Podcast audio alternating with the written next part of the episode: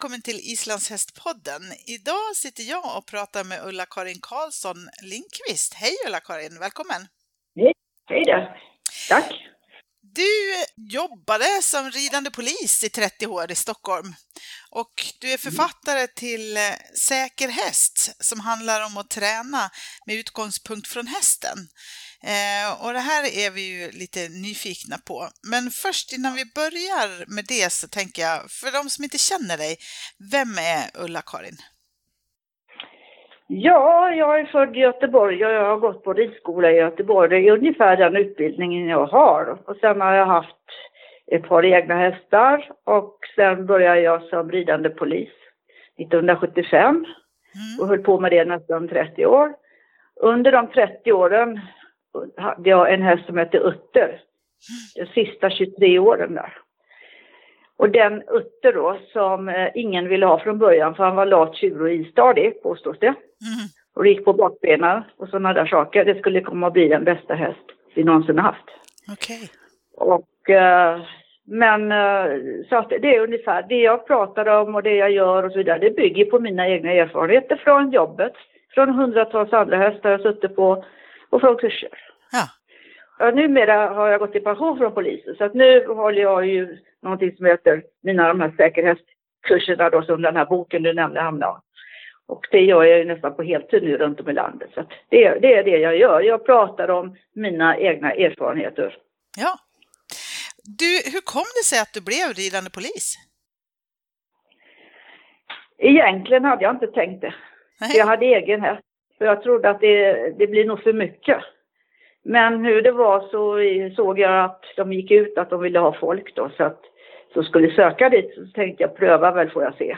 Ja. Och blir det för mycket häst så slutar jag där och går tillbaka till yttre tjänst igen, alltså till eh, polis, vanliga polistjänst. Mm. Men jag var kvar där. Mm. Alltså många ser ju det här som ett drömjobb. Jag tror att många flickor har, har drömt om att få bli ridande polis. Eh, jag tänker att det är olika för olika personer, men var är ditt drömjobb?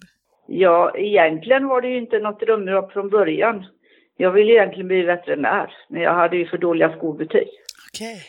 Men, eh, men någonting med djur, det är ju drömjobbet. Så det blev, det ena gav det andra. Det är egentligen ingenting jag liksom har tänkt på lång tid innan. Nej. Så att det blev mitt drömjobb kan man säga. Ja, precis.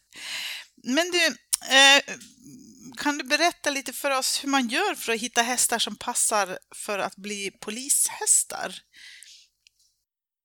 Alltså egentligen så skulle de flesta hästar med rätt träning och så vidare kunna bli polishästar.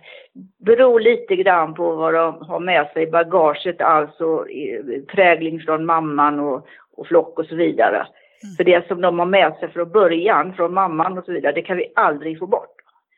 Men annars är det inga problem, utan det gäller att träna dem på rätt sätt och det är egentligen inga konstigheter. Vad man tittar på, för när jag började vid rytteriet då köpte man bara in treåringar. Mm. Och så utbildade vi dem själva. Men det är ju dels för kostsamt. Det kostar att hålla häst i flera år och personal och så vidare. Så idag köper man in färdiginridna hästar så att säga och så testar man. Man får väl göra lite tester på hur de då klarar av olika miljöer och så vidare. Men det är egentligen inget konstigt för det är en form av inlärning eller ja, både inlärning och prägling. Att alla dagar ser olika ut. Mm. Och det är det som är skillnaden mellan en polishäst och en vanlig häst som går i sin trygga miljö mm. och lär sig hur omgivning och allting ser ut och var man brukar vara någonstans. Och var, nästan varje dag ser ungefär likadan ut för den hästen. Men det gör det inte för en polishäst. Nej. Det är olika varje dag. Och även om du rider på en stor, till exempel Kungs, Stora Kungsgatan i Stockholm tio gånger per dag. Så ingen av de tio gångerna per dag kommer att se likadan ut eftersom det förändras hela tiden. Byggnaderna står kvar, men det är bilar, det är folk, det är allting annat som rör sig. Mm. Och det är ju inte vanliga hästar vana vid. Och det är det som man måste vänja dem vid. Och, så, och, det är det som är det största, som folk tror det största problemet. Men det är egentligen inte något större problem. Nej, precis. Tror du de tycker om sitt jobb, hästarna? Ja, då, ja, det är svårt att säga, men eh, de hästar jag har haft har man märkt. Utte till exempel. han var ju grinig om inte han fick gå på stan, åtminstone fem dagar i veckan. Ja, just det. Så att, eh, ja, ja, ja, oh ja. Så att det var, och en del hästar de trivs kanske bra med att gå i skogen eller på grönområden bara. Det är så olika hur de är, Mm. tror jag. Ja, det är, Det är som svårt att människor. säga. Man kan, det kan vi aldrig säga när vi köper in dem heller, de kommer att bli just att då kommer de att trivas bättre på stan eller inte. Men eh, så att det, där får man titta på lite. Och verka, man känner ju av hästarna, hur de reagerar och så vidare. Mm. Och har du en häst som blir, blir grinig efter ett par dagar och inte fått gå på stan och så blir han ju toppenbra när du väl kommer ner på stan. Då kan du räkna ut att det här är rätt ställe att gå på. Ja, precis. Du, du nämnde det här om prägling och inlärning. Eh, Kan du berätta lite mer om det? Skillnaden? Jo, båda betyder upprepning. Gör om, gör om, gör om. Prägling kallar jag, till exempel i boken då, för inaktiv inlärning, alltså omedveten inlärning. Det är sånt vi tar efter utan att tänka på det. Det är ingen som står med en och, och, och liksom tränar oss på det, utan vi gör saker utan att tänka på det. Och till exempel på en häst, om man sitter upp på en häst, rider iväg 100 meter kanske, stannar och så drar man sadeljorden. Som efterdrag till det. Ja. Och sen gör man det varje gång, men man tänker inte på det. Vi, vi gör det för att vi ska dra sadeljorden. Men hästen vet inte vad en sadel eller en sadeljord är.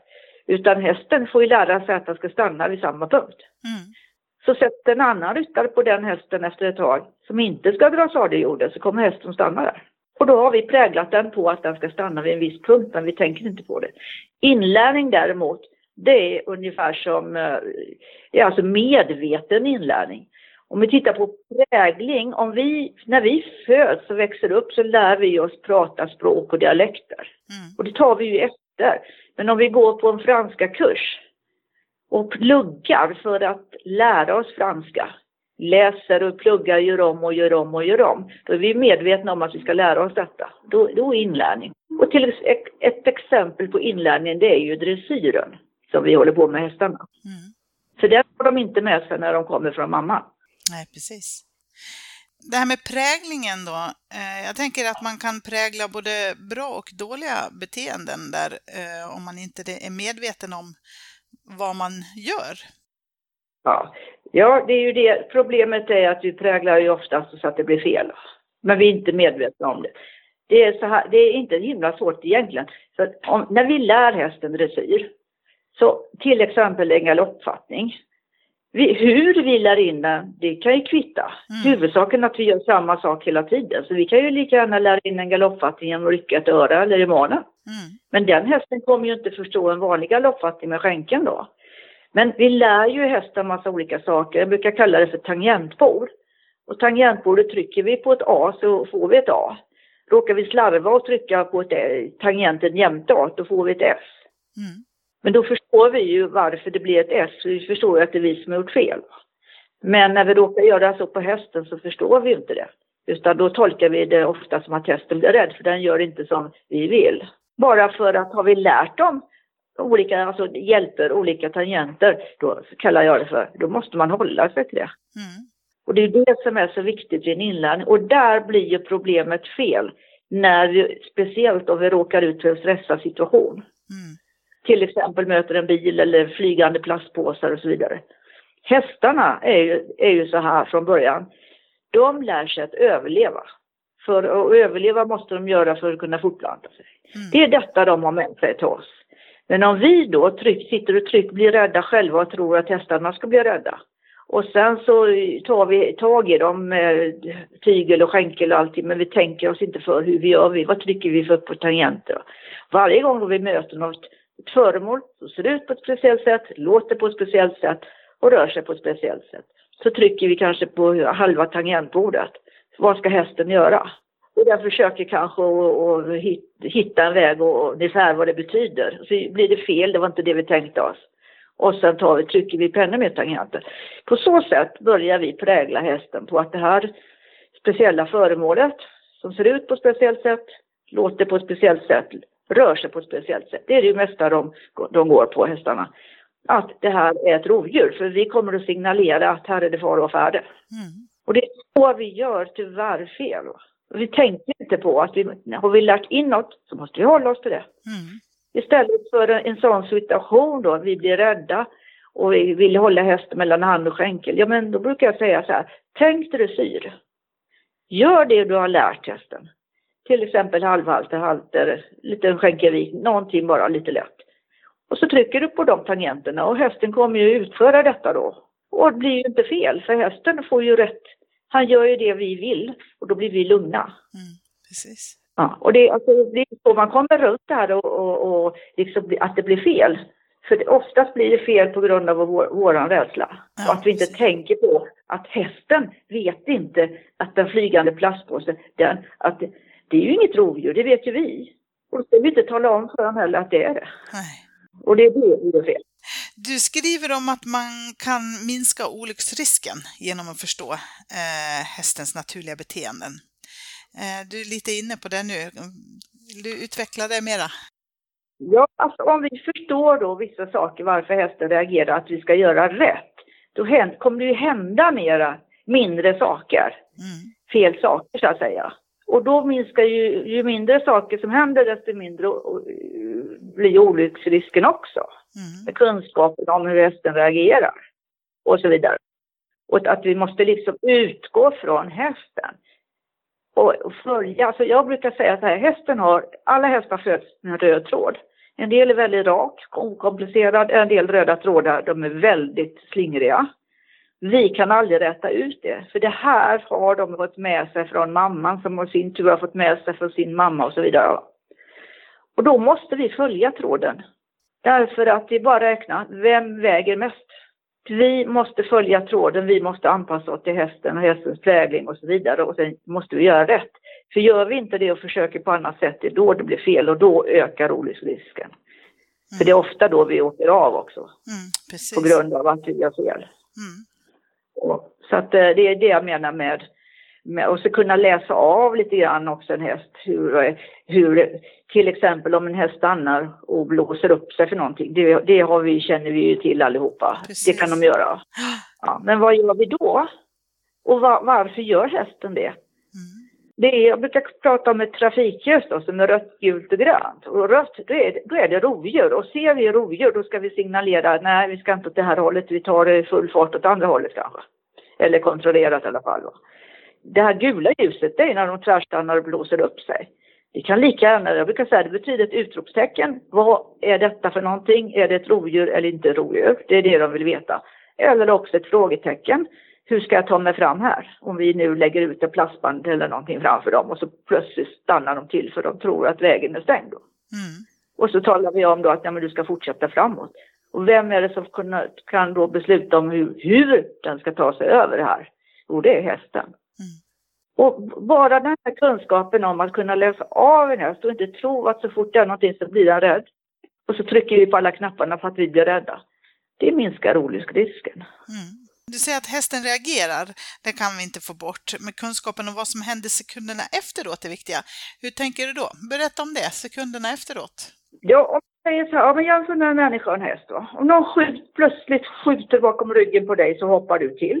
Du blir, du, det är klart att man hoppar till om någon skjuter bakom ryggen på honom. Och vad gör människan sen? Jo, människan är ju funtad med något som heter självbevarelsedrift och har en högre intelligens. Så människan räknar ju ut direkt att ja, det kanske då kan hända att det kommer ett skott till. Och då spänner vi oss och så väntar vi på nästa skott. Medan hästen i samma situation hoppar till, landar och sen är det bra. För hästen går på inlärning, prägling. Båda sakerna betyder upprepning, upprepning, upprepning. Och där har man skillnad, att en häst kan hoppa till för något och sen stannar den. Mm. 99 procent, så den kanske hoppar några meter eller någonting och sen stannar den. Och sen, vad vi inte tänker på, när den har stannat så är det över för hästen. Då är den nere på noll igen. Då, det har hänt, men den har ju inte den här förmågan att sätta dessa samband med just det här stället till exempel. Utan det har ju vi, för vi vet ju vad, där, det var där det hände. Mm.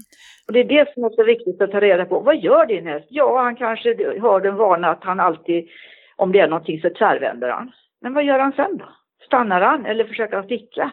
De flesta hästar de, bara, de hoppar till eller snurrar runt ett varv och sen kan de ställa sig och käka. Mm. Och det är det vi ska lära oss. Men de som springer då? Jag tänker eh, om man har, har en häst, jag tänker de är ju flyktdjur ändå. Ja, så det finns ju de som lägger benen på ryggen och drar. Ja, då i det läget om vi då, så får vi ju snabbt se vad det är för något. Är det en vargflock som är efter oss, då skulle jag nog fort, låta hästen fortsätta ja. och springa. Men annars så får vi tala om att nej, stopp. Och så fort hästen saktar, släpp tygen bara. Ja. För med släpp tygel, helt släppt tygel, då talar vi om att det är lugnt. Det är inga rovdjur här, jag är helt avslappnad. Mm. Och sen börjar den springa igen, då får man säga stopp direkt igen. Och sen så fort den stannar så ska man släppa. Och det är det vi gör fel, för vi tar tag i den stannar och sen håller vi kvar. Mm. Jag tänker att om man har varit ut för det här att hästen har blivit rädd och sprungit så, så är det ju rätt så vanligt att man blir rädd själv, tänker jag. Och att man tappar lite grann i förtroende mellan häst och ryttare, i alla fall ryttaren för sin häst så att säga. Man är rädd för att det ska hända igen. Ehm, men har du något tips hur man bygger, bygger på det eller hur man jobbar med ja, det? Alltså det, det, är, det är ju det är jättesvårt va? för vi, vi har ju det här i oss att vi vill överleva. Och det som har hänt en gång, det, det, det har vi i skallen. Och problemet är ju då att det går ju inte för, alltså det är ju ingenting man blir av med direkt sådär. Nej. Utan man har det. Då får man ju hitta på något annat i så fall. Men då i det läget, ja men då säger jag så här, om man nu är spänd och så vidare, ja men rid dressyr då. Mm. Förbi eller vad det nu är för något. Rid dressyr, tryck på knapparna som hästen har lärt sig vad den ska göra och så hitta på lite dressyr. För då har du handen, hästen mellan hand och skänkel. Ja, och hästen tolkar ju inte som något annat än att den ska, ja, så, så vi kallar för dressyr då. Nej, precis. Det är det man måste göra. Sen finns det ju vägar att, att gå. Jag har ju haft de som har varit livrädda, där man får ta till andra metoder för att få dem att slappna av. Mm. För det går ju inte att säga till en, en livrädd ryttare att sla, andas, slappna av. Det är ingen mening. Det, det studsar. Det stöttar inte ens in i örat utan det stoppar på vägen. Och i det läget så måste du ju då göra något som man kallar för koncentrationsflytt då. Och det är ju att flytta ryttarens koncentration från hästen till att då på något annat bli till exempel förbannad på mig. Okay. Genom att kanske räkna multiplikationstabeller, tvinga dem att räkna multiplikationstabell någonting. Så de får något annat att tänka på, för då glömmer de av hästen till slut och sen upptäcker de ju att det faktiskt funkar och de behöver inte sitta och vara rädda för hästarna. Nej, Men det är som klav, du vänder styret på en cykel så hur lång tid tar det innan du har lärt dig när du svänger höger så svänger cykel vänster. Mm. Eller vänd en datormus upp och ner på. Mm. Så det är sånt här som, som man måste liksom, man måste ta tag i det här, man måste utgå från hästen. För en häst gör det den gör, om, den, om det blir fel eller om den reagerar häftigt och så vidare. Det finns alltid, alltid en orsak. Mm. Den är inte dum på något sätt, utan det är en orsak till varför. Ofta är den, är den orsaken ryttan. Mm. På grund av att ryttan då, som jag brukar säga, trycker på fel tangenter. Mm. Och det är så mina kurser går ut på. Det är det här, våga släppa hästen, våga sitta och rida med händerna i vädret. Ja. Och det är så himla roligt att se när de gör det, för man ser på hästarna, de kan vara på tårna innan. Och när de släpper, släpper tyglarna och sätter sig med händerna i vädret ungefär, ja, åker huvudet ner på hästarna så lunkar de på. Mm, precis. Ja, man har så stor inverkan på hästarna själv. Eh, så ibland är det nästan läskigt hur mycket man ja, inverkar. Men alltså, alltså, det som är grunden till det är att man måste lära sig hur en häst fungerar. Och man måste utgå från hästen hela tiden. Det är från hästen vi ska utgå, inte från oss eller vad vi har hört talas om eller någonting, utan vi måste utgå från hästen. Mm. För hästen gör, som jag sa förut, den gör, det finns alltid en orsak till varför den gör saker. Det kan ha att göra med prägling då från mamman. Då. Jag brukar säga så här att oavsett om häst eller människa eller vad det är som föds, så föds man med en ryggsäck på ryggen. Mm. Den är osynlig den ryggsäcken men den finns där och där samlar vi erfarenheter, prägling, inlärning och så vidare. Och vi människor kan ju även då ha intelligens att förutsätta saker. Mm att om vi går ut framför en bil så kommer ju, om vi, inte, om vi går rakt ut framför en bil så förstår vi ju vad som kommer hända. Medan en häst till exempel, om den kastar sig för en bil, som möter en bil, den vet ju inte vad en bil är, men möter en sån här grej. Hästen kan lika gärna kastas ut framför som åt sidan. Och hade den vetat vad det hade varit för något, då hade han inte kastat sig framför. Och det är så vi måste förstå hur det är. Mm. Och det är ju det som är, det är, det är ju det som är, liksom, det är ju grunden till all ridning. Alltså vi lär oss hur fungerar en häst. Och varför gör den detta? Oftast kan vi ta reda på varför. Det är inte alltid det går att få reda på varför. Men då måste vi acceptera så här är det. Mm. Ja, precis. Mm. Jag, jag, har tittat på eh, lite filmer som du har um, och du använder i alla fall de filmerna som jag, som jag tittar på använder du ofta av, av saker. Uh, det är bommar mm. och plastband och paraplyer och pressändningar och ballonger och allt möjligt. Kartonger och ja, det är jättespännande. Mm. Uh, och så bygger du hinderbanor i princip med dem. Eh, och, och det där är, man blir ju lite inspirerad förstås när man ser det där och så tänker man att åh, det där hade ju varit kul att testa. Eh, men, men om man inte har testat förut, eh, har du något tips? Kan man börja med något enkelt? Man kan börja med att fråga sig varför, varför använder jag de här grejerna? Där kan man, det, är, det är fråga ett så att säga. Och det är inte till för hästarna.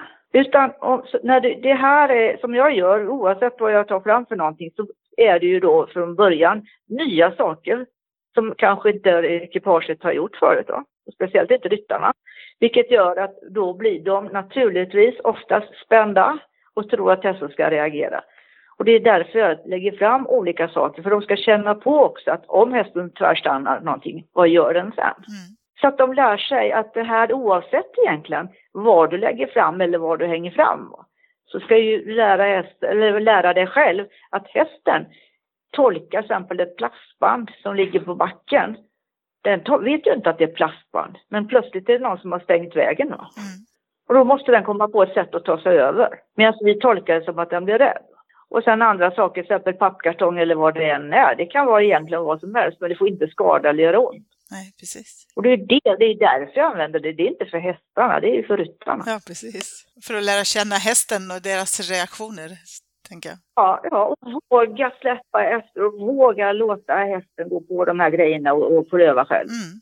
Att vad man ska göra när man använder, ta något enkelt bara, till exempel bara lägga ett papper.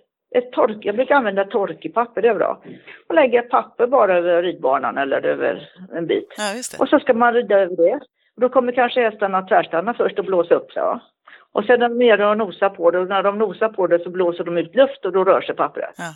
Och så hoppar de kanske tillbaks då. Men de framkallar ju detta själva genom att nosa på dem.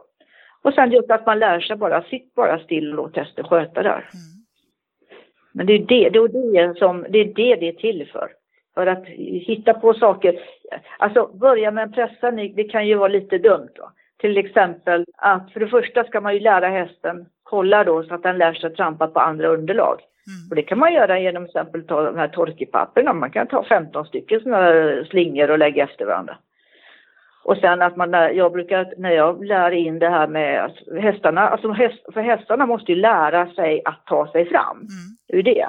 Och då kan man inte bara lägga ut en pressad utan då viker man ihop den så det blir som en bred bom först och sen gör man den större eller bredare och bredare och bredare. Och sen måste man ju vara uppmärksam på också vad vi nu gör, att hästen är med på det hela. För om en häst är spänd för någonting och kanske hoppar över, kastas över, då får man inte göra det värre. Då måste man ju göra det lite lättare istället, kanske göra den lite smalare igen. Mm. Det är sånt man måste ha med i det hela.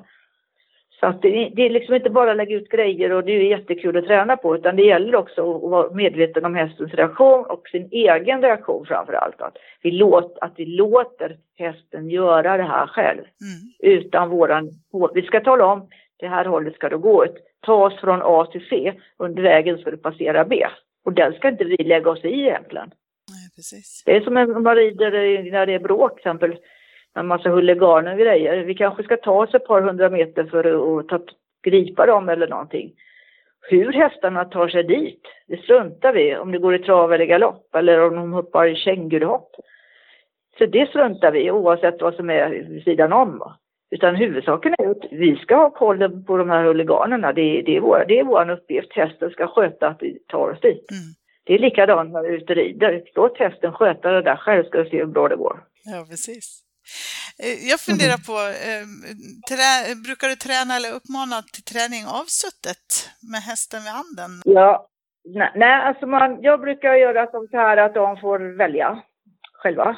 Om de vill börja avsnittet eller om de vill sitta upp mitt alltihopa. Sen är det ju upp dem om det är en unghäst eller en konvalescent eller vad det nu är för någonting. Mm. Däremot om det är ryttare som är väldigt rädda så brukar jag säga börja och led. Mm. Och sen iakttar du din häst. Och så ser du just på de här grejerna. Vad händer när den stannar? Vad händer när den backar? Titta hela tiden. Iaktta hästen. Vad gör den? Mm. Och då, det, det, är så till exempel som mina förarryttare som alltså hade råkat ut för olyckor. Mm. Och det är inte lätt när man har MS och CP-skador och sådana saker. Och råka ut för grejer. Man är väldigt sårbar. Mm. Men det var, båda två var ju, trodde ju att hästarna liksom bara kastade sig falt och sen var och stack. Och de fick börja, båda två. Det är ett exempel bara. Mm. Med, vi började avsuttet första gångerna. De fick leda, vi utsatte hästarna för saker och så fick titta, hur gör min häst de här situationerna? Vilket gjorde att de märkte ju att, ja, det, ja, de hoppar till. Den ena kan hoppa till baklänges, den andra den kan vända och sen är det bra. Mm. Och då sen vågar de börja kliva upp. Och nu är båda, på, nu är båda kvalare för Paralympics. De skulle sluta rida. Ja, de skulle inte fortsätta för de var så rädda. På grund av att de tolkade att hästarna var rädda för allt. Ja, precis. Mm. Ja, och det är ju så. Det är likadant för alla. Vi måste komma på hästen. Hitta en häst som är lös och ledig så att säga ute. Den löser sina situationer själv. Ja, visst. Ja, men vi har en förmåga att tro att så fort vi är i närheten när du sitter på så kan de inte det. Nej, precis. Jag tänkte, du pratar här om unghäst. Um, mm. Att man kan ta den vid handen så att säga. Mm. Är det liksom allmän miljöträning på, på allt runt gården eller bör man göra sig en hinderbana till dem för att liksom förbereda dem? Eller hur tänker du där? Ja, Alltså jag säger så här, så fort man sätter på en fölung i en eh, grimma och lär dem gå i grimma så kan man faktiskt börja miljöträna genom att hitta på saker, hänga lite plastband här och var och, speciellt om det blåser så det fladdrar. Mm. Och sen brukar jag säga så här att gärna bygga lite grejer, hängande plastband och så vidare om man har möjlighet till det det är inte alla som har möjlighet till det och har kanske en fin skogsslinga eller någonting. Men man, man har kanske en ridbana, då kan man binda vid staketet och låta det fladdra. Mm. Sådana här saker och hela tiden göra nya saker, flytta på sakerna kanske. Så att det, det, hästen präglas inte på att det ser alltid ut likadant. Nej, precis. Sen har du, det finns, vi är ju väldigt duktiga vi människor, för vi vet någonting som heter parkour. Mm.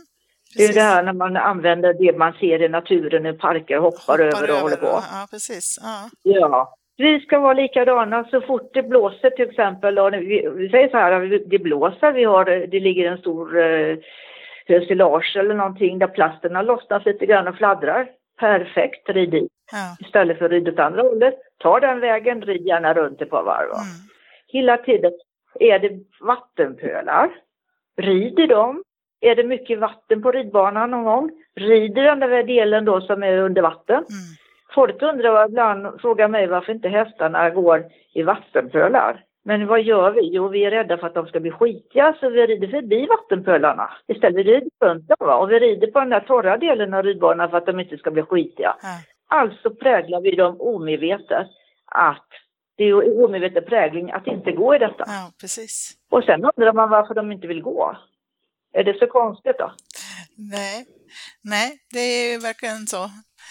Du, eh, en annan sak som jag funderar på, eh, det är det här med belöning. Mm. Eh, att belöna beteenden, ehm, till exempel med godis.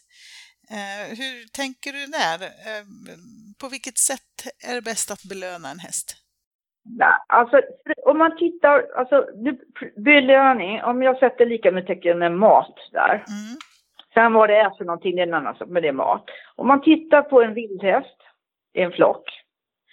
flock. Om det skulle bli ett rovdjursanfall, då kommer inte flockledaren att signalera att flocken fortsätter att äta. Men är det lugnt, då kommer ju flockledaren signalera åt flocken, det är inga rovdjur, ät, för hästen måste äta. Mm. Och, och, och, då betyder ju mat, att få äta, betyder ju inga rovdjur. Nej, precis. Det är det vi inte tänker på.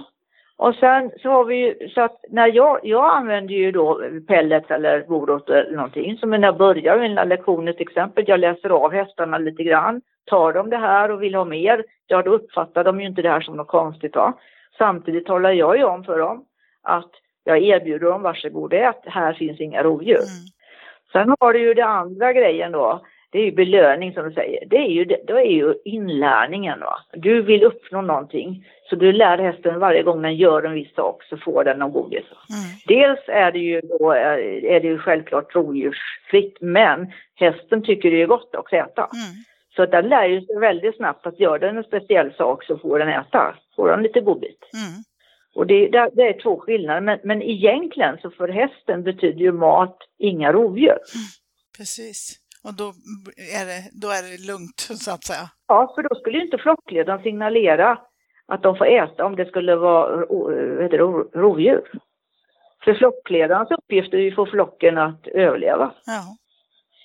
Så det, vi blir ju flockledare när vi tar tag i våra hästar, när vi får 600 kilo och går dit vi vill. Mm. Eller göra vart vi, vad vi vill. Det tänker vi inte på. Då är vår uppgift också att se till att flocken överlever. Så att när vi då signalerar det är likadant det här med att folk tror varför går inte hästar ut ur stall när det brinner? Ja. Vet du varför? Eh, jag tänker att de är hemma i sin trygghet. Mm, yeah. Mm. Alltså, om man tittar, alltså, hästar läser ju av andra hästar på, på kroppsspråk. Alltså de använder kroppsspråket, läten och kroppsspråket. Vi tänker inte oss för, utan de läser ju av våra kroppsspråk också. De vet ju inte att vi är människor, de vet inte att de är hästar. De har inte den intelligensen, förstår. De vet, en häst vet inte hur den själv ser ut. Så när den alltså ser sig i spegeln i ett ridhus, vi tror att de tittar på sig, det är inte, den ser då en ny flockmiljö. Så att det är så mycket sånt här som man inte tänker på, så man, om man lär sig det, det menar jag, kan man lära sig sånt och varför och hur man ska vara, då minskar olycksrisken. Mm. Det kan alltid hända saker, det är inga robotar, men vi minskar risken. Ja, jättespännande. Eh, som du sa, du har eh, kurser i det här med säker häst. Du åker land och rike runt. Jajamensan, jag kom hem från Piteå i förrgår. Ja. Jag är där ett par gånger per år. Upp, upp, långt upp i Norrbotten är jag, långt söderut och överallt. Åker som en liten jojo. Ja, just det. Men det är jätteroligt, ja. tycker det är kul. Så om man är mera intresserad av det här så kan man söka upp kanske var, var du kommer i närheten eh, för att delta?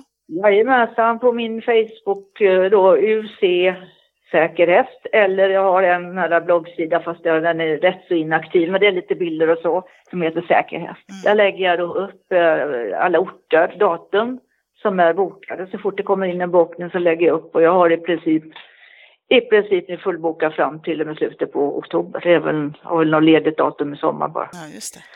Och det är allt ifrån eh, Kiruna till, ja, långt in i Småland.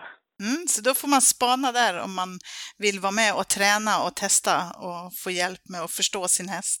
Ja. Mm. Och man, eh, som sagt, man lär sig, jag kan säga man lär sig mycket, även om man inte ens har en häst, man lär sig mycket att vara med för jag börjar alltid, alltså första gången, grund, grundgrupp som jag säger, är två timmars obligatorisk teori. Mm. Och där går jag igenom hur en häst fungerar och hur vi fungerar och vad vi gör för fel. Då. För det, må, det är det viktigaste egentligen av allt. Sen själva träningen, det är mera praktisk träning att kunna slappna av. Mm. Men just här kunskapen, det, det, är två timmar och ingen, oavsett om det är en landslagsryttare eller ej, får vara med på någon träning utan att vara med på teorin Nej, precis. vid ett tillfälle. Nej. Du, eh, tusen tack Ulla-Karin för att du tog dig tid att berätta. Ja, då, tack själv. Jätteroligt att få prata.